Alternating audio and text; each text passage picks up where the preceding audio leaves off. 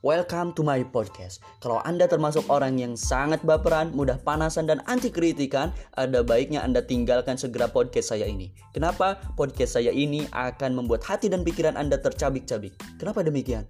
Karena saya peduli terhadap bisnis Anda, karena saya peduli terhadap pertumbuhan bisnis Anda. Saya ingin Anda terlahir kembali sebagai generasi muslim yang maju, tumbuh, dan berkembang. Selamat datang di podcast saya.